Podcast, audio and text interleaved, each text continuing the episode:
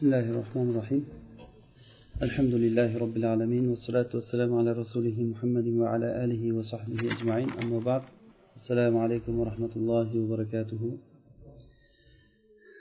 alloh subhanava taologa hamdlar bo'lsin biz sahobalar e, darsini o'rganayotgandik sahobalar to'g'risidagi ahli sunna va jamoa e'tiqodi e, biz buni bir qancha marta takror va takror aytib dars boshidan ko'p marta takrorlayapmizki sahobalar to'g'risidagi bizni bu suhbatimiz sahobalarni faqat tarixiy jihatdan ularni o'rinlari tarixiy jihatdan e, kelib chiqish vaqtlari yoki ularni urushlarda qilgan e, ko'rsatgan jasoratlari to'g'risida o'rganishlik emas. Bizni bu e, sahobalar to'g'risidagi darsimizda asosiy maqsadimiz ahli sunna va jamoatni sahobalar to'g'risidagi e'tiqodi qanday bo'lishlik kerak. Chunki bu narsa biz uchun iymonni bir juzi hisoblanadi degan edik chunki biz dinimizni shulardan olamiz.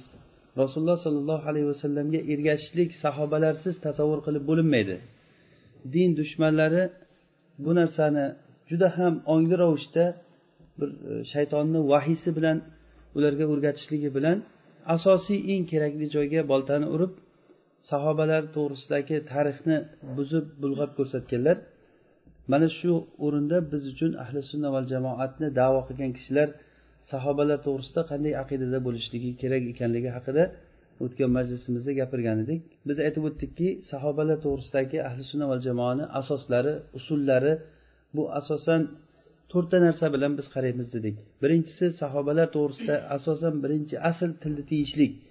Agar hojat bir chiqib qolsa gapirishlikka masalan odamlar johil bo'lsa ularga ta'lim berishlik uchun bo'lsa yoki odamlar o'rtasida ixtilof chiqqan paytda sahobalarni sukuvchilar chiqqan paytda himoya qilishlik uchun majbur bo'lamizki bu narsani gapirmasa bo'lmaydigan istisno yo'liga ko'ra ya'ni asldan chiqish yo'liga ko'ra gapiriladi va yana shu hojat bitgandan keyin yana aslga qaytilinadi.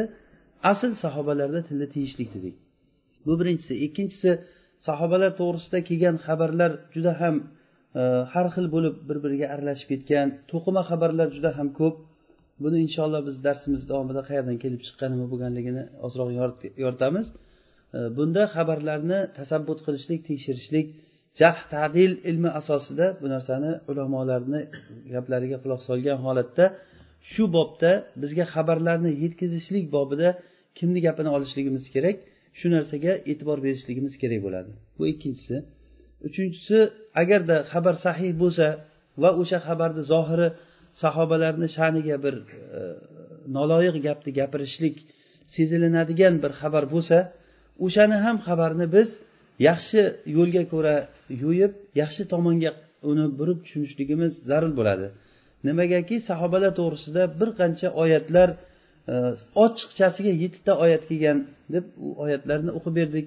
Va rasululloh sollallohu alayhi vasallamni sahih hadislarida sahobalarni fazli to'g'risida ochiqchasiga e, qancha mingdan ziyod dalillar jamlangan kitoblar bor sahobalarni fazli to'g'risida mingdan ziyod e, yig'ilgan hadislar bor. E, demak shu kelgan zohiri sahobalarga ta'na bo'ladigan xabarlarni bu yoqda bo'lgan aniq bir narsalarga qaytarib tushunishligimiz kerak ekan. To'rtinchisi sahobalar nima qilgan bo'lsa ham ular o'rtasida bo'lgan ixtiloflarda ulardan bo'lgan ishlarda ular ishtihod qilib qilgan ishtihod degan narsada mushtahid kishi agarda xato qilsa bitta ajr oladi. Agar to'g'ri topsa ikkita ajr oladi. Nima bo'lganda ham sahobalar mana shu bobda ajr bilan chiqqan kishilar hisoblanadi. Mana shunday e'tiqod qilishligimiz kerak biz. Sahobalar o'zi to'g'risidagi e, nimamizda? Mana shu nimada asoslarni asl qilib bundan keyin biz ular o'rtasida bo'lgan xiloflarga kiramiz va bundan keyin biz boshlab ularni fazli haqida ularning e, sahobalarni manoqiblari haqida gapirishlikni boshlaymiz. Inshaalloh bugungi suhbatimizda moviya roziyallohu anhuni fazli to'g'risida darsimizni oxirrog'ida shu kishini haqida gapiramiz. E, o'zi aslida sahobalarni fazli haqida gapirganda avvalo birinchi o'rinda hammamiz hayolimizga kelayotgan narsa abu bakr siddiq roziyallohu anhu shu kishini fazli haqida gapirishligimiz kerak. Lekin bizni maqsadimiz yana takror aytamizki sahobalarni fazlini aytishlikdan oldin ular to'g'risida ahli sunnani aqidasini biz tushuntirib olishligimiz kerak. Bu bobda eng mazlum kishi muaviya roziyallohu anhu bo'ladi. Sahobalarga o'zi yomon gaplarni gapirgan ularni so'kkan haqorat qilgan toifalar ahli sunnadan emas bo'lgan toifalar ular. Lekin muaviya roziyallohu anhuni xosatan so'kkan kishilar ahli sunnadan bo'lib turib muaviya to'g'risida nojo'ya gaplarni gapirganlar bor. Masalan imom alusiyga o'xshaganlar e, moviya roziyallohu anhu to'g'risida xosatan u kishini o'g'li yazid to'g'risida juda ham yomon gaplarni gapirganlar. Bunda ba'zan odam o'zini aqlini havoyi nafsini aqlidan oldin qo'yishlik bilan nususlardan oldin qo'yishlik bilan va muhitdan kelib chiqib ba'zi bir xabar noto'g'ri xabarlarni unga yetib kelishligi bilan bo'ladi. Hozirgi bizni davrimizda ham shu voqeligimizda ham ba'zi bir da'vatchi kishilarni ko'rasiz ahli ilm bo'lgan kishilarni ko'rasizki xossatan moviya roziyallohu anhu to'g'risida e, ahli sunna va jamoatga to'g'ri kelmaydigan gaplarni gapirayotganligini ko'ramiz. Demak shuning uchun biz e, shu narsani ixtiyor qildikki e, birinchi bo'lib turib moviy roziyallohu anhu to'g'risida gapirib bu narsa bizni aqidamizda usullarda bir kerakli joyi bo'lganligi uchun albatta keyin yana o'zimizni aslimizga qaytib inshaalloh e, alloh qodir qilsa abu bakr roziyallohu anhuni e, manoqiblaridan u kishini fazli haqida gapirishlikda suhbat davom ettiramiz. Sahobalar o'rtasida bo'lgan xilof to'g'risida gapni davom ettirsak ular o'rtasidagi bo'lgan xilofni birinchi uyasi xilofni chiqargan kishi abdulloh ibn sabaul yahudiy degan bir yahudiy kishi bo'lgan o'zi asli yamanlik bo'lgan. Yahudiy bo'lgan islomni davo qilgan. Islomni davo qilib men musulmon bo'ldim deb kelib turib keyin keyin ibodatlikni davo qilgan juda ham o'zini ibodatlik odam qilib ko'rsatgan ozroq vaqtdan keyin amr ma'ruf va nahiy munkar qilishlikni boshlagan. Odamlar o'rtasida amr ma'ruf nahiy munkar qilib u unday qilyapti bu bunday qilyapti degan gaplarni gapirishlikni boshlagan o'zi asli maqsadi u yahudiy bo'lgan islomni buzishlik uchun sahobalarni o'rtasiga kirgan yamandan maxsus kelgan kishi bo'lgan. Ismi abdulloh ibn saba al yahudiy bo'lgan. Bu xuddi buni islomga qilgan ishi lekin u qilolmagan qilmoqchi bo'lgan ishi islomga e, xuddiki bo'lis nasorolarga masihiylarga qilgan ishni qilmoqchi bo'lgan. Bo'lis bu yahudiylardan bo'lgan bo'lis yahudiy deb mashhur. E, bu ham yahudiy bo'lgan. Rohiblar o'zlarini imomlar yahud yahudlarda askar bo'lgan bu boshda.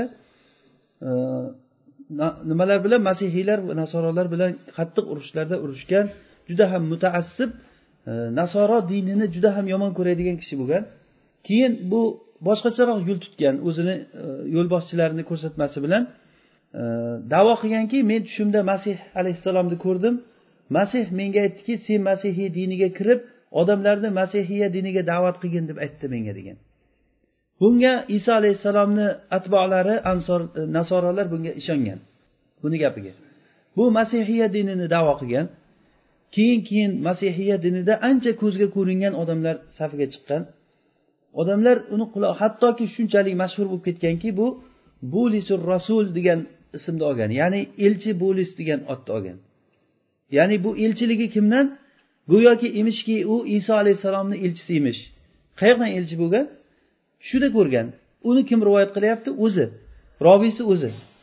Men bugundan boshlab o'zimni o'zim elchi deb e'lon qildim deganday odamlar shunga johillik bilan avomlik bilan shunga ergashdi. Siz bunga ajablanmang ergashganligi. Bizni ummatimiz abdulloh ibn sabaul yahudiyga xuddi shunday ishondi gapiga. Mana shuni gapi bilan usmon roziyallohu anhu o'ldirildi va usmonni o'ldirilishligi bilan fitnani eshigi katta ochilindi.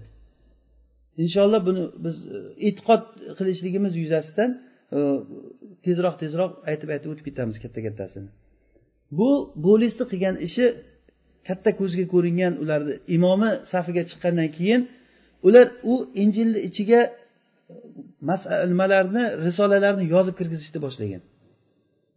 Hatto yigirma yettita asl ustiga qurilgan o'n oltita risolani yozib kirgizib yuborgan.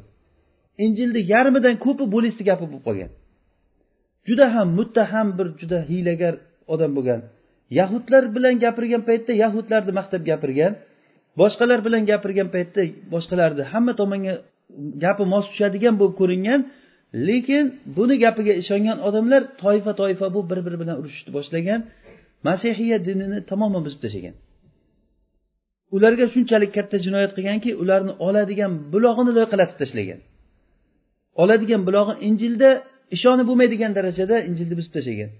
Yigirma yettita aslga qurilgan risolalarni kirgizib hatto injilni yarmidan ko'pi shuni kalomi bo'lib qolgan.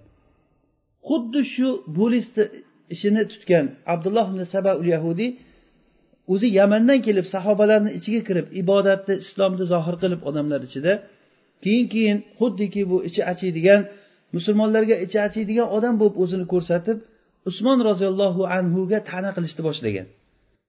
Ta'na qilishlikni ham yaxshi uslublarini topib bu usmon haddidan oshyapti.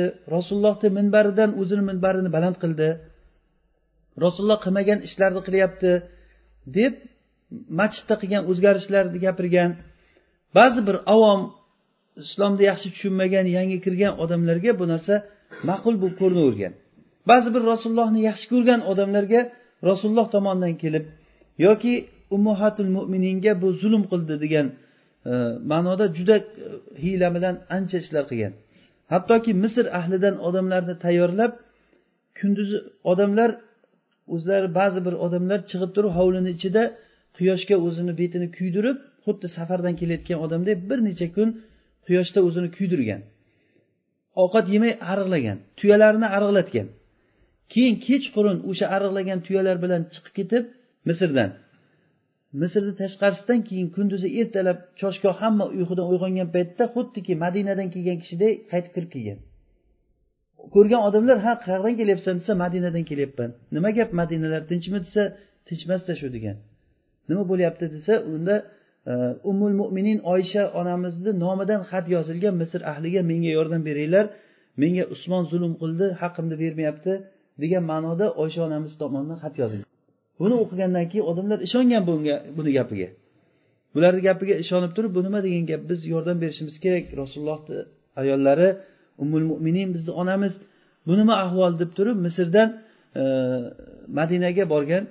Buni boshida o'sha abdulloh ibn sabaul yahudiy olovni purkab turgan. Mana shu bilan shunchalik fitna kattarib ketganki allohni xohish irodasi bilan hatto usmon roziyallohu anhuni o'ldirishgacha borildi.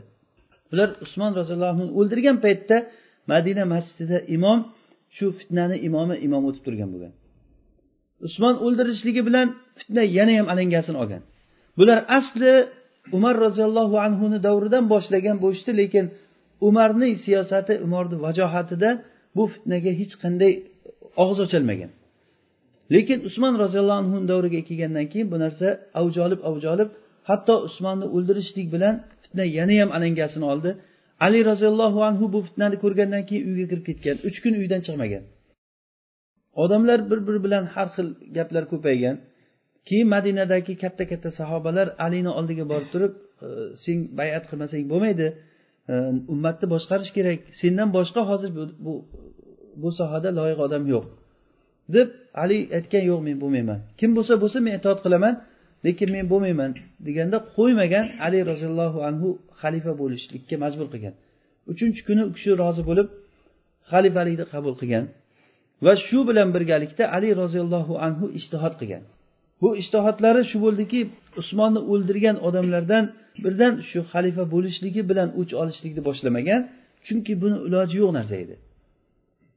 Qanday usmonni o'ldirgan odamlar hattoki o'g'li hasan aliga aytgan paytda men sizga ko'p marta aytdim meni itoat qilmadingiz degan paytda nima degansan sen deganda usmonni ular qamal qilib o'tirgan paytda sizlar qarab o'tirdilaring chiqib yordam berishlaring kerak edi deganda usmonni qamal qilganlar meni ham qamal qilib o'tiruvdi degan.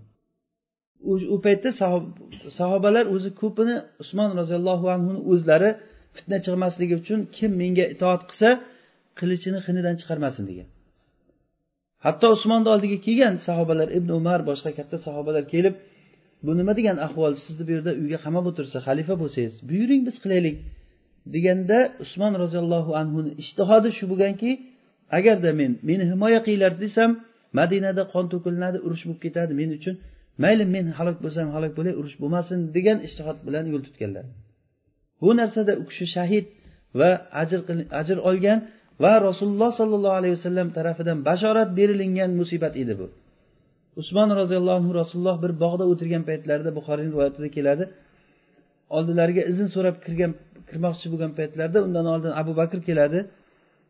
Unga e, jannatdan bashorat beradilar. Umar keladi jannatdan bashorat beradilar. Usmon kelgan paytda aytadiki usmonga jannatdan bashorat beringlar.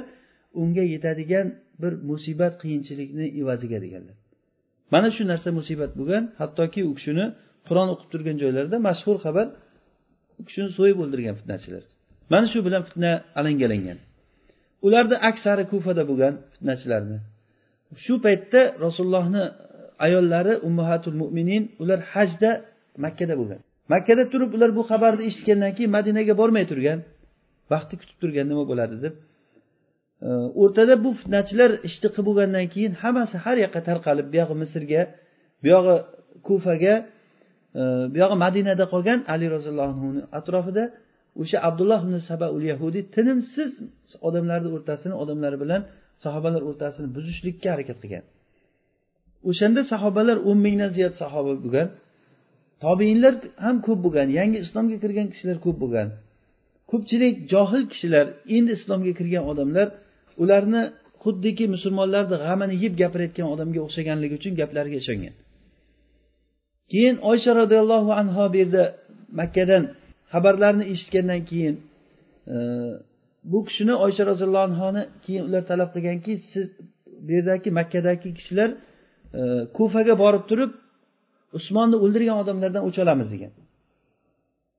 Kufaga borib usmonni o'ldirgan odamlardan o'ch olamiz deb turib ular makkadan kufaga qarab chiqamiz chiqmoqchi bo'lishgan va shunda oysha onamizni ham qattiq talab qilganki biz bilan birga yuring.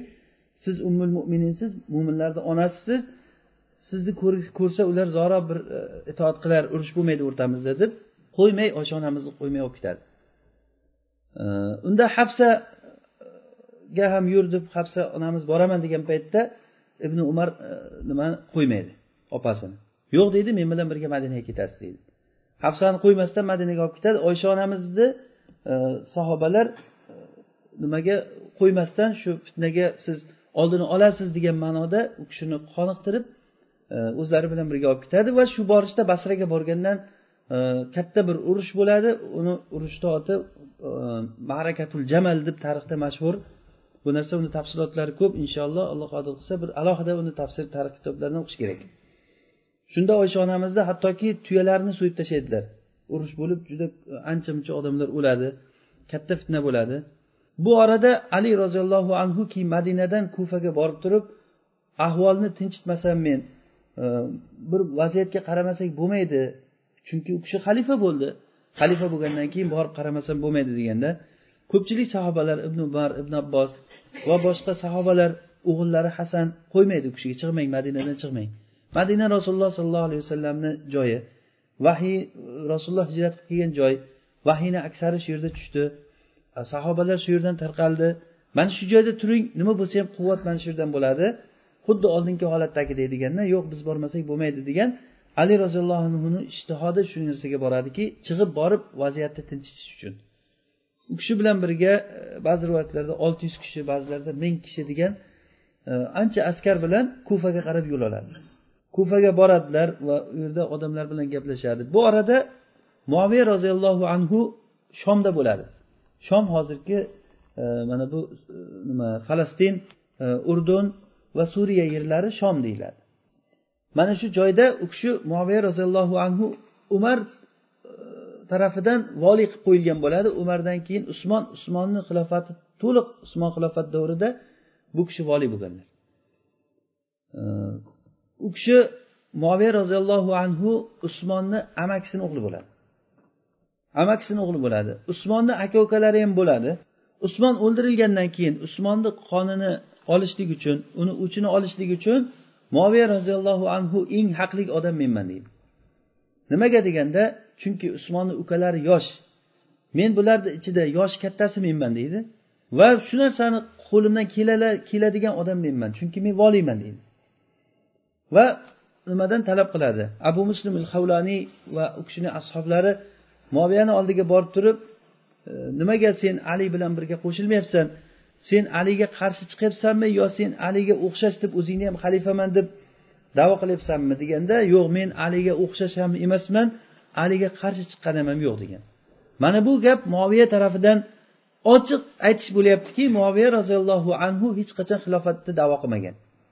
Aliga aytinglar agarda usmonni o'ldirgan odamlarni menga ushlab olib kelib bersin bo'ldi men unga ishini topshiraman deydi.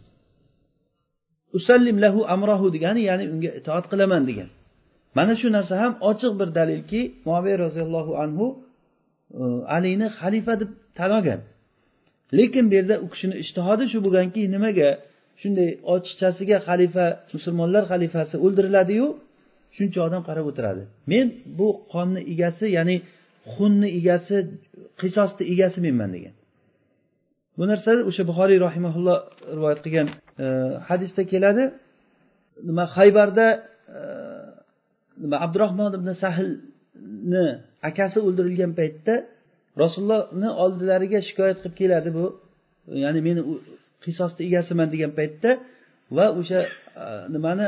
Abdurahmon ibn sahlni oldida amakilarini o'g'li huvayisa va muhayyisa o'tirgan bo'ladi. Ular yoshi katta bo'ladi. Shunda rasululloh kabbir kabbir deydilar. Ya'ni yoshi katta gapirsin degan. Ya'ni o'lgan kishini akasi haqli bo'lib tursa ham bu yerda amakilarini o'g'li yoshi katta bo'lganligi uchun amakini o'g'liga gapirtirib ya'ni haqni talashish paytida o'shalar bilan gaplashgan rasululloh. Yoshi katta kishilar bilan gaplashgan. Mana shu dalil bilan moviy roziyallohu anhu aytganki meni yoshim katta amakisini o'g'li bo'lsam ham usmonni ukalari majbur hozir mavjud bo'lib tursa ham lekin bu masalada haqdor odam menman degan. Aliga borib aytinglar o'ldirgan kishilarni menga topshirsin ularni biz o'ldiraylik tamom ish tamom degan. Men aliga ishini topshiraman degan. Tamom ular yaxshi deganda alini oldiga kelgan. Muoviya shunday deyapti sen ularga usmonni o'ldirgan odamlarni topshir tamom ish tugaydi deganda ali aytgan sen nima deyapsan qanday qilib topshiramiz? degan. Ularni sonini qara ko'pligini hali ularni ushlab mana uni o'ldirdi deb turib berish uchun katta fitna yana o'zimiz ichidan urush boshlanadi. Ular bizga molik bo'lib turibdiyu degan. Avval xilofatni yaxshilab sobit qilib olaylik keyin u narsaga o'ch olamiz degan. Alini ishtihodi bu bo'lgan. Mana shu bilan keyin ular shom ahli buni eshitgandan keyin e, moviya roziyallohu anhu tarafga qo'shilib moviyani himoya qilgan. Chunki qur'onda vaman qutila mazluman faqat ja'alna liwaliyihi sultona fala yusrif fil qatl. Ya'ni kim agar mazlum bo'lib o'ldirilsa o'sha o'lgan kishini avliyolariga ya'ni valiylariga biz unga bir huquq berdik huquq berdik. Demak haq muoviya tarafda deb o'ylagan. Bu o'ch olishlikni haddidan oshmasin degan qur'onda. Shom ahli moviy roziyallohu anhuga yordam berishlik uchun shu tarafda turgan moviy roziyallohu anhu tarafda turgan. Muhim ali roziyallohu anhu o'ziga ergashgan kishilar bilan kufaga borgan. Keyin kufaga borgandan keyin moviya bilan ikkalasini o'rtasida xat yozishlar bo'lgan. Xat yozishlarni nimasi? Hamma ma'nosi shuni atrofida aylangan. Ma'no shu atrofda aylangan. Ali roziyallohu anhu u kishini toatga chaqirgan. U kishi o'zini haqqini olishlikni talab qilgan yana. Yana gaplar shu bo'lgandan keyin bir to'xtamga kelinmagandan keyin keyin ali roziyallohu anhu kufadan e, shomga qarab yurganligini eshitgandan keyin shomga shomga qarab kelyapti ekan deganda moviya ahli shomni chaqirib maslahat so'raydi nima qilamiz? Shunda amr ibn os aytadiki agarda alini o'zi bosh bo'lib chiqib kelgan bo'lsa sen ham o'zing bosh bo'lib chiq deydi. Agar bir narsa bo'lsa o'sha gaplashilayotgan joyda gaplashamiz deydi. To'g'ri deydidan keyin keyin moviy roziyallohu anhu shomdan chiqadi. Ular bu yoqdan chiqadi keyin o'rtaga kelgandan keyin bir yerda urushib o'sha yerda katta bir jang bo'ladi. Marakatu siffin degan tarixda mashhur bir urush bu. Sakkiz kun urushadi. Shunchalik katta urush bo'lib ketadiki o'sha musulmonlar urushib e, urush davomida keyin e, birinchi urush uch kun davom etadi. Urush bo'lib turgan paytda keyin shahril harom kirib qoladi. Muharram oyi. Muharram oyi kirgandan keyin shahril haromda urush mumkin emas deb urush to'xtatadi hammasi. Urush to'xtatadi bir oy davomida orada yana sulh qiluvchilar o'rtaga tushib ikkita jamoatni o'rtasini kelishtirishlikka harakat qiladi hech foyda bermaydi. Bu arada ali roziyallohu anhu kufaga borgan paytda abdulloh ibn sabaul yahudiy o'sha yerda bo'ladi. Borib turib alini atrofida turib olib turib alini maqtab alini aytganini qilish kerak nima bo'lsa ham shuni yonida turish kerak deb o'zini yaxshi ko'rsatgan kishi bo'lib turib faqat ishi musulmonlar o'rtasida fitna qilishlik bo'ladi. U bitta nomi chiqqan odam uni atrofida qancha yordamchilari o'sha fitna qilgan odamlar bo'ladi. Shahril harom o'ti bo'ladi hech natijasiz yana urush boshlanadi. Safar oyiga kirganda safar oyini boshidan urush boshlanadi. Sakkiz kun urushadilar juda ham qattiq urush bo'ladi to'qqizinchi kuni kelganda juda qirilib ketadi odamlar. Shunda ikki tomondan ham odamlar aytadiki bu holat bo'layotgan bo'lsa ertaga shomni chegaralarini kim himoya qiladi? Kufa bu yoqdan bu tomondagi himoya e, sug'ur deydi arab tilida chegaralarini kim himoya qiladi buni? Ya'ni shom rum tarafidan chegara hisoblanadi. O'sha paytda shomni narigi mana bu turkiya qistantiniya taraflar rumni yerlari bo'lgan e, bu tomondan tepadan shimol tarafdan kelayotgan dushmanlarni birinchi uchrashadigan joyi shu shom bo'lgan suriya taraf. Bular musulmonlar o'sha moviya roziyallohu anhu sug'urda turgan hisoblanadi. Bu tomondan kufa ahli bo'lgan. Bunchalik odamlar o'lib ketayotgan bo'lsa bu nima ahvol bo'ladi? Bir kelishuvga kelish kerak to'xtatish kerak masalani. Masalaga chek qo'yish kerak degan nima bilan keyin bo'lmasa bizdan bir kishi chiqsin sizlardan bir kishi kelsin o'rtada bir kelishtiraylik ikki tomonni ham. Deganda e, moviya tarafdan e, abu nima keladi amr ibn os ali roziyallohu anhu tarafdan e, abu muso al ashariy keladi ikkalasi o'sha yerda gaplashadi. Bular hammasi kelishadiki shu ikkovsini hakam qildik. Shu ikkala hakam nima desa shu deydi. Bu bunda ko'p to'qima gaplar bor. Hattoki e, bu yerda hiyla qilgan e, deyishadi. Amr ibn os hiyla qilgan. Kelib turib e, ikkovimiz ham shu nimani ichib tashlaymiz uzukni yechib tashlaymiz degan paytda nima qo'lidagi uzugini abu muso yechib men alini xilofatdan xuddi mana shu uzukni tashlaganday tashladim bo'ldi u xalifa emas hozirdan boshlab deb tashlasa moviya nima olib turib amr ibn os men moviyani xalifa qildim deb turib topib shu bilan nima abu muso ashariy aldanib qolgan. U aldagan. Xilofatni o'z uz o'zidan muoviyaga olib bergan degan gaplar bor. Bu yolg'on gap bu to'qima gap bu. Bunaqangi voqea bo'lmagan birinchidan moviya roziyallohu anhu o'zini xalifa deb e'lon qilmagan boya aytganimizdek u kishini birdan bir dardi shu e, nima usmonni o'ldirgan odamlardan o'ch olishkim o'ch olishimiz kerak degan davo bilan chiqqan. Qisqasi bu ikkala hakam chiqqandan keyin bular kelishganki urushni ramazon oyigacha to'xtatishlikni. Ramazon oyigacha urushni to'xtatamiz o'shangacha bir narsani bir o'ylab ko'rarmiz. Bu holatda ish yomon bo'lib ketadi deb ikkala hakam shu narsaga kelishgandan keyin ali roziyallohu anhuni safida turgan boyagi abdulloh ibn sabaul yahudiylar endi nima qilish kerak? Bular kelishadigan bo'lsa bularni ahvoliga voy. Ya'ni masala ancha oydinlashib yorishib qolganligini ko'rgandan keyin boshqacha yo'l tutib ali kofir bo'ldi deb havorij bo'lib chiqib ketgan keyin. Havorij bo'lib chiqib ular ayblagan narsasi ali o'zini amiril mo'mininligidan tushirdi. Birinchidan ikkinchidan hakam qilib odamni hukm hakam qildi ollohni hakam qilmadi. Hukm ollohniki bo'lishi kerak ali ollohni hukmi bilan hukm qilmadi kofir bo'ldi deb. Kechagina yonida turgan odamlar endi kofir bo'ldi deb turib ba'zi rivoyatlarda o'n ikki ming odam ajralib chiqib ketadi. Al avasim min al qavasimda abu bakr ibn arabiy olti ming kishi chiqqan degan rivoyat keltirgan. Olti mingta odam ajralib o'sha havorij bo'lib chiqib ketgan. Keyin bu orada ali roziyallohu anhu nima qilishlikni ashoblar bilan gaplashib turgan. Hattoki ular kelib turib abdulloh ibn e, habbob ibn aratni roziyallohu anhu shu kishini o'g'illarini o'ldirib e, ayollarini nomusiga tegib juda yomon ishlarni qiladi bular havorijlar buni ko'rgandan keyin kufa ahlini ali roziyallohu anhu havorijlarga qarshi chaqiradi. Va shunda ular hammasi ko'tarilib chiqarib nahravon degan joyga borganda shular bilan qattiq urush bo'ladi va ularni nihoyiy hammasini qirib tashlaydi. Bular ko'pchilik o'lib ketgandan keyin katta son bu. Katta sonli odam o'lib havorij bo'lib ali roziyallohu anhu tarafidan o'ldirib yuborilgandan keyin keyin e, ularni o'lgan odamlarni qarindoshlari ham bo'ladi alini safida. Ba'zilariga bu narsa og'ir bo'ladi. Ba'zilarini o'g'illari o'lib ketadi aka ukalari o'ladi. Ya'ni bir biriga tanish kishilar bir birini o'ldirgan.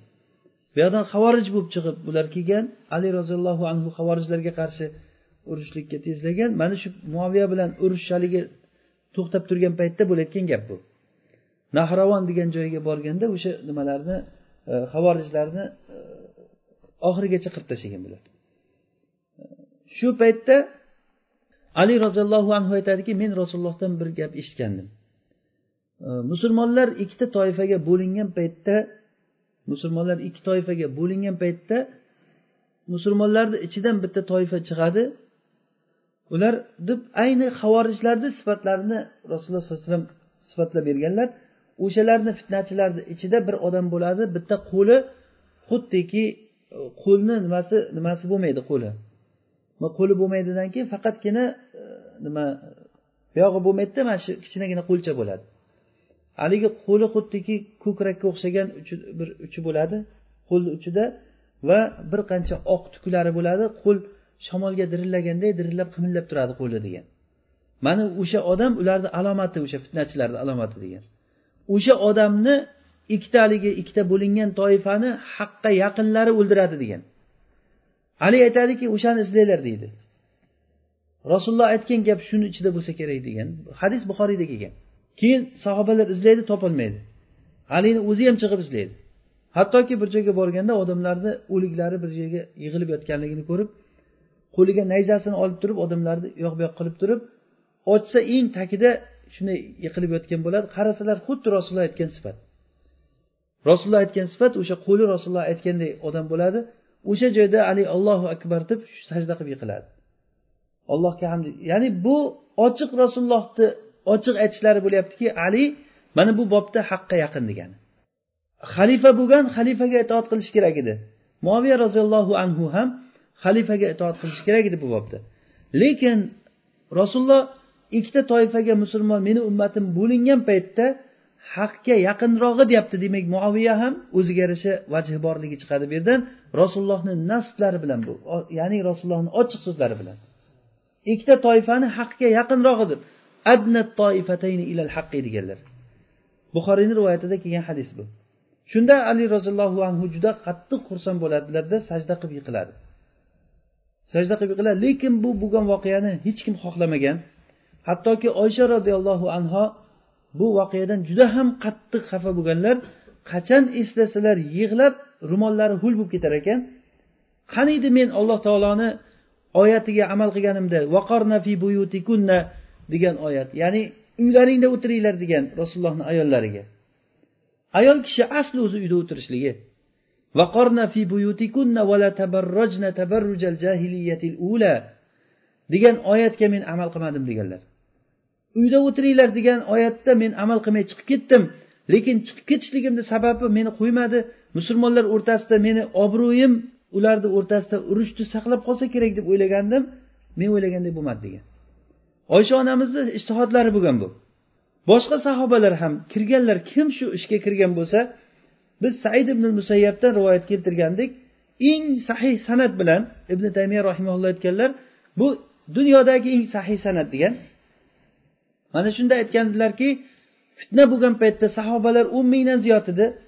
Lekin bunga qatnashgan kishilar yuztaga yetmaydi balki o'ttiztadan oshmaydi deganlar. Balki o'ttiztadan ham oshmaydigan sahobalar qatnashgan. Lekin qatnashganlari bu narsaga shu nima bilan tavil bilan qatnashgan. Bu narsa haq deb o'ylab kirgan ishtihod bilan kirgan. Biz asl qo'ydiku bu sahobalar o'rtasida qarashligimiz kerak bo'lgan narsani to'rtinchi aslimiz sahobalar shu bobda ishtihodli bo'lgan. Kimdir ali to'g'ri degan ali tarafda turgan chunki ishtihod shuni taqozo qilgan.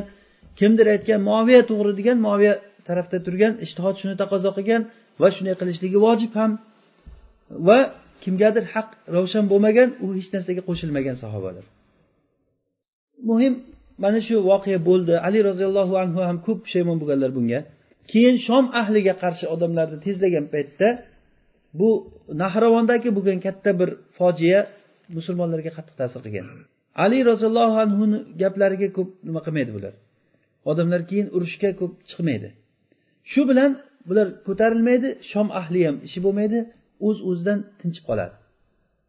Voqea tinchib qolgandan keyin keyin bu ali roziyallohu anhu xalifa bu borada havorijlarni boya qoldiqlari hatto abdulloh ibn sabaul yahudiy alini maqtab iloh darajasiga ko'tarishgacha borib sen ilohsan deyishgacha borgan.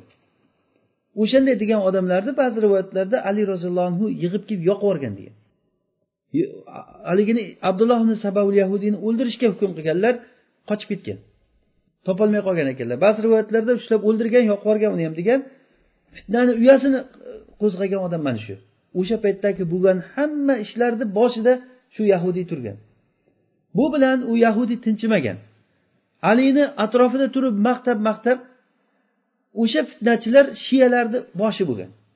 Shiya degan o'sha alini tarafida turib havorijlar alini qanchalik so'ksa bular ularga raddiya o'laroq ali roziyallohu anhuni maqtab hattoki ba'zilar iloh darajasigacha ko'targan. Shu bilan fitna bosilib bosilib qolgandan keyin alini roziyallohu anhuni o'zini abdurahmon ibn muljim degan e, bir malun zaharlangan qilich bilan alini o'ldirgan. Nimani? Moviyani ham kelib turib qilich bilan uradi bomdod namozi paytida. Amr ibn oz kasal bo'lib turib o'sha kuni bomdodga chiqilmay qolgan ekan olloh asrasin. Hatto moviyani ham urganda moviya bunda o'lmay qoladi keyin tuzalib ketadilar u kishi. Mana shu bilan ali roziyallohu anhu o'ladi. Ali o'lganlaridan keyin musulmonlar keyin o'g'li hasanga bayat qiladi. O'g'li hasanga bayat qilgandan keyin yana shu fitna bo'ladi. Musulmonlar buyog'i nima moviy roziyallohu anhu tarafda buyog'i hasan tarafda yana o'sha fitnachilar yana o'sha ish boshlanavergandan keyin hasan roziyallohu anhu rasululloh sollallohu alayhi vasallam buxoriyda keltirilgan hadisda rasulullohni aytgan bashoratlarini ro'yobga chiqargan.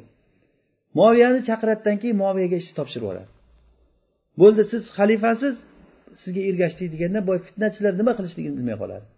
Hech o'ylamagan joydan chiqadi ularga. Rasululloh sollallohu alayhi vasallam bir kuni masjidda o'tirganlarida o'g'li hasan kichik bolacha paytda o'ynab turganligini rasululloh bir sahobalarga qarab bir hasanga qarab bir sahobalarga qarab bir hasanga qarab aytdilarki meni mana shu o'g'lim sayyid deganlar. Alloh taolo inshaalloh bu o'g'lim bilan musulmonlardan katta bir ikkita toifasini o'rtasini isloh qiladi deganlar. O'shanda ikkalasini ham musulmonlardan bo'lgan toifa deyaptilar. Demak rasulullohni nas mana bu ham ochiq hadis bo'lyaptiki biz shuni e'tiqod qilishimiz kerakki moviya roziyallohu anhuni ham hasan roziyallohu anhuni ham tomondagi odamlarni rasululloh musulmonlardan bo'lgan ikkita toifani o'rtasini isloh qiladi dedilar. Va aytganlaridek bo'ldi isloh bo'ldi. Muaviya roziyallohu anhuga xilofat o'tishligi bilan islom rivojlanishlikni boshladi. Ikkita toifa ikkiga bo'lingandan boshlab jihod to'xtagan futuhatlar to'xtagan. Muaviya roziyallohu anhuga ish o'tishligi bilan u kishi jihod qilishlikni boshladi. Ana o'shandan keyin buyog'i xuroson buyog'i mag'rib tomonlariga islomni kengaygan asosiy nimasi kuchi shu paytda islom kuchini ko'rsatdi. Yiliga ikki marta jihodga odamlar chiqarardi bir yozda bir qishda jihodga chaqirganlar. Har yili hajda bir amirni qo'yib hajga amir qilib odamlarni hajga tezlab hajga e, chaqirgan yigirma yil xalifa bo'lganlar. Yigirma yil yigirma yil shomda voliy bo'lgan. Umarni xilofat davrida va usmonni xilofat davrida xalifa e, shomda voliy bo'lgan va hasan ishni topshirgandan keyin yigirma yil oltmishinchi yil dunyodan o'tgan bo'lsalar mana shu paytgacha xalifa qirq yil boshqargan. Qirq yil boshqarganligida bu kishi sahih xabarlarga qarasangiz birorta bir nojo'ya ish qilmaganlar. Faqat u kishi tarafidan biz xabarni o'zi aslida kelishdik kimdan olishlikdi xabarni jarh va tadildagi imomlarni gapidan eshitayotgan bo'lsak mana shu qirq yil davomida u kishi ummatni juda ham namunali bajarganlar. Hattoki ibn xaldun rahimaulloh aytadilarki men hayronman nima uchun muoviyani xalifalar safiga qo'shmaymiz? degan. Nima bilan ayblaymiz degan. Moviyani nima bilan ayblab u kishi to'g'ri podshoh bo'lgan ular ummatni kelishganligi u kishi podshoh bo'lgan lekin podshohlarni eng yaxshisi bo'lgan. Podshoh bo'lgan va podshohlarni eng yaxshisi bo'lgan. Bu kishi juda ham xalqqa yaxshi ko'rilgan seviklik odam bo'lib tanilingan. Hamma odam yaxshi ko'rgan bu kishini. Moviya roziyallohu anhu taraf tomonida agar bir kishini fazoillarini aytadigan bo'lsak e, hozirgi shu yergacha bo'lgan narsamiz bizniki ahli sunna val jamoatni sahobalarga bo'lgan xosatan sahobalar davridagi kelishmovchilikka bo'lgan bizni aqidamiz qanday bo'lishligini tushunib oldik biz. Ularni hammasidan olloh rozi bo'lsin. Ularni hammasi qilgan ishlarini ishtihod bilan qilgan o'zlariga yarasha fazli bor bo'lgan odamlar ular deb tushunamiz. Moviy roziyallohu anhu haqida hatto ahli sunnani o'zi ikkiga bo'lingan ba'zilar u kishini juda ham maqtab yuborsa hattoki e, ba'zi rivoyatlarda keladi e, rasululloh sollallohu alayhi vasallamga hadis deb muaviyani maqtab al umanau salasatun muhammadun va jibril va muaviyatu degan. Ya'ni haqiqiy ishonchli kishilar uchta muhammad va jibril va muaviya degan hadislar to'qilingan. Va buni qarshisidagi tomon bo'lsa muaviya roziyallohu anhu to'g'risida shunchalik xabarlar to'qilganki hattoki uni tarixni o'ylab ham ko'rmagan tarixni o'ylab ham tarixni gapirishlikka haqqi yo'q bo'lgan odamlar bu narsada gapiravergan. Omma xalq bu narsani ishonavergan. Bir kuni rasululloh sollallohu alayhi vasallam o'tirsalar bir kuni rasululloh o'tirsalar e, moviya bilan o'g'li yazid rasululloh xutba qilib turgan joyida chiqib ketgan. Xutba qilib chiqqan joylarida mana shu ikkovsi o'zi olloh la'natlagan odamlar bular degan. Muaviya haqida bu ahmoq gapni to'qiydigan odam o'ylab ham ko'rmadiki yazid yo'q bo'lgan ko'p payti umarni xilofat paytida tug'ilgan. Umarni xilofat paytini oxirida uylanib muoviya usmonni xilofat paytida tug'ilgan. Rasulullohni davrida ikkovsi o'g'li bilan ikkalasi bu majlisdan chiqib ketgan degan gapni aytishadi. Mana bu narsalar o'z o'zi bilan yazidni ham sahobalar safiga qo'shib qo'yganligini ham bilmaydi o'zi. Agar shunday qilgan bo'lsa deb. Moviya roziyallohu anhu to'g'risida qisqasi bu ikki tomondan ham to'qima gaplar rivoyatlar juda ham ko'p.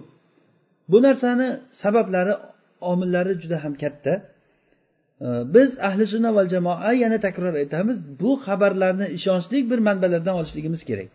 Bularni chiqishligini sababi asosan yolg'on xabarlarni chiqishligini sababi umaviylar davri bir yuz o'ttiz ikkinchi hijriy yilda umaviylar davri tugab abbosiylar davri boshlangan. Hijriy asosan umaviylarni davri futuhatlar bilan jihod bilan tanilingan davr bo'lgan. Bu paytda butun ummatga islom tarqalishligi islom territoriyasi islomni o'sha geografik nimasi kengayishligi shu paytda bo'lgan. Abbosiylar davriga o'tgandan keyin asosan kitoblar chop qilishlik boshlangan. Abbosiylarni ichida boyagi abdulloh sabaul yahudiyni qoldirib ketgan tuxumlari bor edi ular. Mana o'shalar keyin kitob yozgan. Kitoblarda mana shu gaplar bor. Unday bo'lgan bunday bo'lgan degan e, moviya roziyallohu anhu to'g'risidagi har xil bo'lmag'ur gaplar kitoblarda yozilgan. Lekin qalbini alloh taolo ochib qo'ygan kishilar bu narsani juda ham yaxshi tushunadi. Chunki moviya to'g'risida bir qancha kelgan fazilatlari haqida gapirilgan e, gaplarni oldida bu to'qima gaplar hech narsa bo'lmay qoladi. E, imom zahabiy rahimaulloh aytadilarki biz anglab haqni nohaqdan ajratib bildik va sahobalarni uzrini bildik ular haqida istig'for so'radik va xossatan ularni haqqini biz o'zini o'rniga qo'ydik degan. Ya'ni xos haqqini o'rniga qo'ydik degani ali roziyallohu anhuga bo'lgan bizni muhabbatimiz muoviyaga muoviyani noqis qilishlikka olib kelmaslik kerak. To'g'ri ali ummatni ijmosi bilan muoviyadan afzal. Lekin ikkovsini muqorana qilgan paytda ali muoviyadan yaxshi deb ikkovini yonma yon qo'ysa bittasini yerga urish bo'ladi. O'sha uchun ham rasululloh sollallohu alayhi vasallam aytadilarki la tuhayyiruni ala yunus ibn matta. Meni yunus ibn mattodan yaxshi demanglar deganlar. Lekin bu ummatni ijmosi emasmi? Rasululloh sollallohu alayhi vasallam o'zlari ana sayyidu valadi adamla vala faxra deganlar. Men odam bolasini sayyidiman bu faxrlanishlik emas xabar uchun aytyapman buni deganlar. Bildirib qo'yishlik uchun aytyapman dedilar. Demak bir kishiga bo'lgan muhabbat ikkinchi bir kishini haqidan olib bermaslik kerak. Mayli yaxshi ko'ring alini qancha yaxshi ko'rsangiz yaxshi ko'rsin u kishi haqli ahil mana shu yaxshi ko'rishlikka. Lekin aliga bo'lgan muhabbatimiz moviyadan olib beradigan narsa bo'lmaslik kerakda bunga. Har bir kishini o'zini haqqini haq egalariga berishligimiz kerak. Moviya roziyallohu anhu xilofatni qo'lga olganlaridan keyin qistontiniyaga birinchi ishlari qistontiniyaga ya'ni mana shu biz e, turkiyaga e, askar jo'natganlar. Turkiyaga askar jo'natganlar rasululloh sollallohu alayhi vasallam shu haqda aytgan ekanlarki e, sahih xabarda keladi buxoriyni rivoyatida avvalu jayshin yag'zu madinata qaysar mag'furun lahum deb. Qaysarni shahriga birinchi borayotgan askarlar ular gunohlari kechirilgan degan o'sha askarlarni qoidi yazid bo'lgan. Yazidni boshchiligida bir qancha kibor sahobalarni qo'shib muoviyani xilofat davrida muoviyani o'zi bosh bo'lib yazidni amr qilib jo'natgan ular rasulullohni rivoyatlari mana buxoriy rivoyatida kelyaptiki e, qaysarni nimasiga madinat qaysarga g'azot qilayotgan askarni birinchisi bu e, alloh taolo ularni gunohlarini kechirgan odamlar bo'ladi degan. Ibn abil iz rahimalloh aytadilarki muaviya musulmon podshohlarini avvalgisi va eng yaxshisi deganlar. Eng yaxshi podshoh degan ekanlar. Ajuriy imom ajuriy sharia kitobida aytgan ekanlar. Muoviya vahiyni yozuvchi kishi bo'lgan. Muoviya roziyallohu bu ummatni ijmosi bilan. Hatto noqis qiluvchi odamlar ha bo'lsa bo'ptida yozishni bilganligi uchun yozgan deydi. Bu nima degan gap? Bu vahiyni oddiy odam yozmaydi uni. Rasululloh sollallohu alayhi vasallamni yonida turib vahiyni yozishlikni o'zi hamma fazilatni yig'ib kelsangiz ham hozir butun dunyodagi hamma fazilatni yig'ib keling mana shu narsaga to'g'ri kelmaydi. Rasulullohni yonida turib vahiy yozuvchi kishi bo'lgan va e, u kishi aytgan ekanlarki eng moviya to'g'risidagi bir e, meni qalbimga o'tirgan narsa alloh taoloni oyati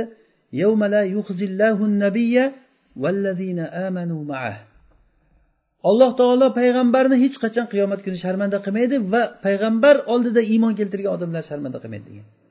Moviya rasulullohni oldida iymon keltirgan kishilardandi hattoki moviya roziyallohu anhu otasi abu sufyondan oldin islomga keldi. Rasululloh umra qilamiz deb borib hudaybiya sulhi bo'lgan paytda shu paytda moviyani qalbiga o'zi iymon tushdi. Buni xabarini bilamiz. Muoviya nima rasululloh sollallohu alayhi vasallam hudaybiyaga kelib hudaybiyada musulmonlar bilan kofirlar o'rtasida sulh bo'ladi. o'n yil tinchlik sulhi tuzilinadi o'shandan keyin moviya aytadiki meni qalbimga islom muhabbati uyg'ondi. Keyin onamga maslahat qildim degan hindga. Men islomga kelmoqchiman degandan keyin hind aytadiki sen otangga xilof qilmagin deydi. Otangga xilof qilmagin deganda baribir ham chidab turolmasdan keyin otamga ham aytdim degan. Abu sufyonga men islomga kelmoqchiman deganda abu sufyon aytadiki sen islomga kelaman deysan sendan ko'ra seni ukang qancha yaxshi sendan degan. Sen menga xilof qilayotgan bo'lsang deb qattiq gaplarni gapirgan. O'shanda ham baribir men yaxshilikdan o'zimni qaytarolmadim islomga keldim degan. Rasululloh bu yiliga umratul qado uchun makkaga kelgan paytda men musulmondim degan. Va u kishi rasulullohni yonida turib vahiy yozuvchilik sharafiga muyassar bo'ldilar. Hattoki moviyani yomon ko'rgan odamlar moviyani yomon ko'rganligidan u kishini otasi abu sufyonni so'kadi. Abu sufyon vaholanki fitna davrigacha qolmay o'lib ketgan kishilardan bo'ladi. Nima uchun abu sufyonni jaholat davrisidagi islomga qilgan yomonliklari uchunmish nimaga unday deymiz? Sahobalarni hammasi shunday bo'lmadimi ko'pchiligi? Umar qanaqangi odam edi? Xolid ibn valid qanday odam edi? Amr ibn os qanday odam edi? Hattoki xolid ibn valid rasululloh sollallohu alayhi vasallamni oldilariga kelib islomga kirgan paytda ey rasululloh duo qiling alloh taolo meni gunohlarimni kechirsin degan. Shunda rasululloh aytdilarki bilmaysanmi ey xolid islom o'zidan oldingi narsalarni kesib yuboradi. Islomga kirdingmi? Bo'ldi. Ketdi hammasi degandan shunday bo'lsa ham duo qiling degan. Rasululloh sollallohu alayhi vasallam haqlariga duo qilgan ey ollohim xolidni gunohlarini o'zing kechir degan. Rasulullohni duolarini barakotini talab qilgan xolid ibn valid amr ibn osga o'xshagan kishilar abu sufyon roziyallohu anhu ham xuddi shu baxtga muyassar bo'ldi. Hattoki u kishi yarmuk g'azotida bitta ko'zidan ajralgan. Jihodga chiqib ko'zdan ajralgan yetmish yosh paytida jihodga chiqib turib jihodga chiqqan. Yarmak u kishi o'sha islom kirgandan keyin toifga rasulullohga qo'shilib toif g'azotiga chiqqan. Toifda qamal qilib turgan paytda bitta ko'zdan ajralgan ekan. Keyin yarmuk g'azotiga borganda yetmish yosh paytda ikkinchi ko'zdan ham ajralgan. Olloh yo'lida ikkala ko'zini ham bergan.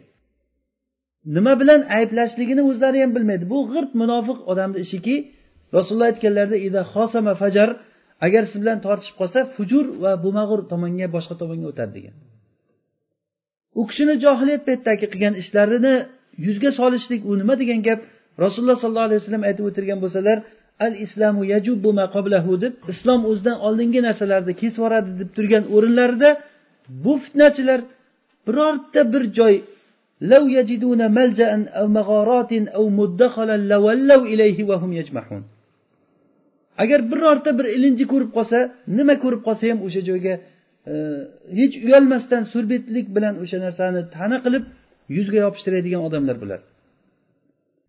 Hattoki u kishi e, said ibn musayyab aytadilar otasidan rivoyat qilib men yarmuk g'azotiga qatnashgan paytimda bir joydan baland ovozda ovozni eshitdim. Qarasam abu sufyon ekan. U kishi aytadilarki ya nasrollohi iqtarib assabata assabata deb baqirib turganligini ko'rdim degan. Ya'ni musulmonlar hammasi jim bo'lib qolgan paytda ham u kishini ovozi shuncha qattiq ovozda mahkam turinglar deb turib o'g'li yazidni bayrog'ini tagida turib musulmonlarni shijoatlantirib turganligini ko'rdim degan. Mana shu paytda u kishi ikkinchi ko'zdan ham ajralgan olloh yo'lida ikkala ko'zdan ham ajralgan. Yetmish yosh paytida olloh yo'liga jihodga chiqqan kishi bo'lgan. Mana shu odamni ta'na qilib undan keyin u kishini o'g'li muoviyaga o'tib nima bilan ayblaydi muoviyani ishtihod qilgan narsasi bilan. Vaholanki bu narsa ishtihod bo'lgan ishtihodni ishtihod bobida o'zi ulamolar ittifoq qilgan narsa mushtahid qilgan ishtihodi bilan ayblanilmaydi. Rasululloh sollallohu alayhi vasallamni ochiq nas gap aytgan so'zlariki agarda mushtahid ishtihod qilsa va xato qilsa bitta ajr oladi. Agar to'g'ri topsa ikkita ajr oladi deganlar. Demak bizni ahli sunna va jamoa aqidasi mana shunday to'g'ri bo'lishlik kerakki bu kishi to'g'risidagi gaplarni hammasini tekshirish kerak. Agarda sahiy bo'layotgan bo'lsa mana shuncha oyat shuncha hadislarda ochiq kelgan nususlar mana buxoriyda hadis kelyapti. Ularni gunohi kechirilgan deyapti. Bizga o'zi mana shu bitta oyat yetadi.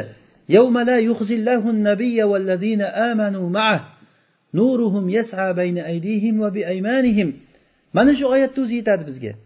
Qiyomat kunida alloh taolo sharmanda qilmaydi payg'ambarni va u kishi bilan birga iymon keltirgan kishilarni sharmanda qilmaydi degan. Alloh taolo o'sha kishilarni safidan qilsin hammamizni. Bu narsa biz uchun juda ham muhim bo'lgan aqida. Biz bundagi e'tiqodimizni yaxshilab to'g'irlab olishligimiz kerak bo'lgan narsalar bular. Keyin e, nima muaviya roziyallohu anhu to'g'risida chiqqan har xil e, fitnalar noto'g'ri gaplarni sabablaridan biri o'sha abbosiylar davrida kitob yozishlar bo'lgan paytda tarqalib ketgani bo'lsa yana bir avomillardan biri yana bir avomillardan biri xosatan e, muaviya roziyallohu anhuni amirlik paytidagi amirlarni qattiqqo'lligi. Amirlar bo'lib ham kufada bizzat yana ham xosroq qilib aytsak basrada. Xuddiki ziyad ibn abihiga o'xshagan e, ziyad ibn ubaydullohga o'xshagan yoki hajjojga o'xshagan. Hajjoj ibn yusuf taqafiy bu o'zi asli umaviylardan emas bu. Lekin muaviylar umaviylar tomonidan nima bu amir bo'lib ko'ringan. Hajjojni bilamiz qilgan ishlarini bu ummatga qilgan zulmini. Ummat eng muhtoj bo'lgan said ibn jubayrni o'z qo'li bilan so'yib o'ldirganligi. Mana shu narsa unga o'zi jarimalikka yetayotgan odamlar. Lekin lekin o'sha bo'lib ham bularni shu turgan muhiti basra juda ham shiqoq va nifoqni joyi bo'lgan. Hatto hajjojni mashhur bir xutbalari bor. Ya'ni e, ya ahlal kufri va nifoq deb turib xutbani boshlaydi. Inni raaytu ruusan qad ayna'at va ha ana qatifuha deydi. Men pishib turgan kallalarni ko'ryapman men uzib olaman ularni degan. Ya'ni xuddiki meva pishib turgan bo'lsa uni men yig'ishtirgani keldim deb boshlagan xutbasida. O'sha ubaydullohni ziyodni nimasida ham shunday keladi. Gaplari juda ham haligi xutbalari mashhur tarixlarda adab kitoblarida qolib ketgan odamlarni qo'rqitadigan ularni judayam jazolaydigan xutbalarni qilgan va ishlarida ham shu ishlarni ko'rsatgan bularni hammasini aybi umaviylarga borib taqalgan. Bu umaviy endi bu bo'ladigan ish hukumatni boshqargandan keyin kimdir yumshoqroq bo'ladi kimdir qattiqroq bo'ladi. Keyin u kishini o'g'li yazidga kelayotgan bo'lsangiz yazid musulmonlardan bo'lgan bir odam bo'lgan. Lahu va alayhi bo'lgan. Yaxshi ishlari ham bor yomon ishlari ham bor. Uni yazidni qilgan xatolari bo'layotgan bo'lsa qilgan yaxshiliklari ham bor. Agar qilgan xatolari uchun moviyaga til toshatayotgan bo'lsangiz bir qancha oyat hadislarni biz o'qib yetishtirgan oyat hadislarni qarshisiga siz ro'para bo'lib chiqib qolgan bo'lasiz. Bu narsa juda ham katta bir ummatga qilingan jarima bo'ldi sahobalarni so'kishlik. Sahobalardan yana darsimiz so'ngida bir xulosa qilsak e, abu bakr umar va boshqa sahobalarni so'kkan kishilar biz bilan dinimizni o'rtasini shunday ajratib qo'yadigan bir e, holatga erishdi ular. Musulmonlar o'zlari bilmagan holatda dinni kimdan oldi? Sahobalarni so'kkan odamlardan oldimi dinni? Xuddiki masihiylar bo'lisni o'zlariga olib kelib bo'lisdan olganga o'xshab. Ularni hammasini holini holiga voy qilib qo'ygan ular bo'lis ya'ni ularga kitoblarini bulg'ab tashlagan manbasini bulg'agan. Agar biz ham sahobalar to'g'risida aqidamizni yaxshilab olmasak ular to'g'risida to'g'ri bir tushunchaga kelib olmasak biz katta bir dabdirashlik bo'ladi bu narsadan chiqolmaymiz moviy roziyallohu anhu oltmishinchi hijriyda e, dunyodan o'tgan ekanlar. Bu kishini o'rniga o'g'li yazid xalifa bo'lib qolgan. E, yazid xalifa bo'lishligi bilan tarixda yangi sahifa ochilgan. E, odamlar gapirishlikka yana ham gaplar topilgan. U kishi haqida ham juda ham yaxshi yomon gaplar juda ham ko'p. Aksari to'qilgan gaplar mavzu bo'lgan to'qilma gaplar aksari. Biz mana shu bobdagi xabarlarni olmoqchi bo'lsak jarh va tadil imomlaridan ishonchli ummatda imom bo'lib tanilgan kishilarni xabarlaridan olishligimiz kerak bo'ladi. Alloh taolo hammamizni hidoyatlasin. Sahobalar bilan jannatlarda birga bo'lishlikni alloh taolo nasib qilsin. Va subhanakallohumma bihamdik nashhadu an la ilaha illa anta nastag'firuka va natubu ilayk.